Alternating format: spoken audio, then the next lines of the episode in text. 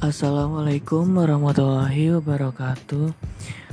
Saya Altafaki Natawijaya akan menjawab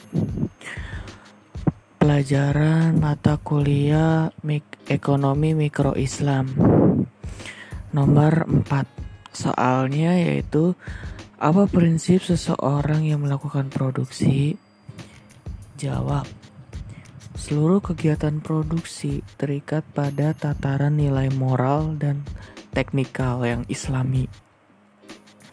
Menurut Medway tahun 1992 mengatakan perbedaan dari perusahaan-perusahaan non-Islam tak hanya pada tujuannya, tetapi juga pada kebijakan-kebijakan ekonomi dan strategi pasarnya. Produksi pasar produksi barang dan jasa yang dapat merusak moralitas dan menjauhkan manusia dari nilai-nilai religius tidak akan diperbolehkan. Terdapat lima jenis kebutuhan yang dipandang bermanfaat untuk mencapai falah, yaitu satu kehidupan, yang kedua harta, yang ketiga kebenaran, yang keempat pengetahuan, dan yang kelima kelangsungan keturunan.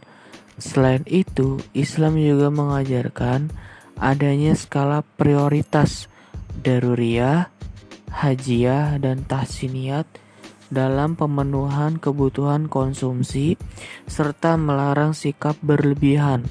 Larangan ini juga berlaku bagi segala mata rantai dalam produksinya. Jadi sangat jelas dan sangat beda antara produksi menurut Islam dan non-Islam.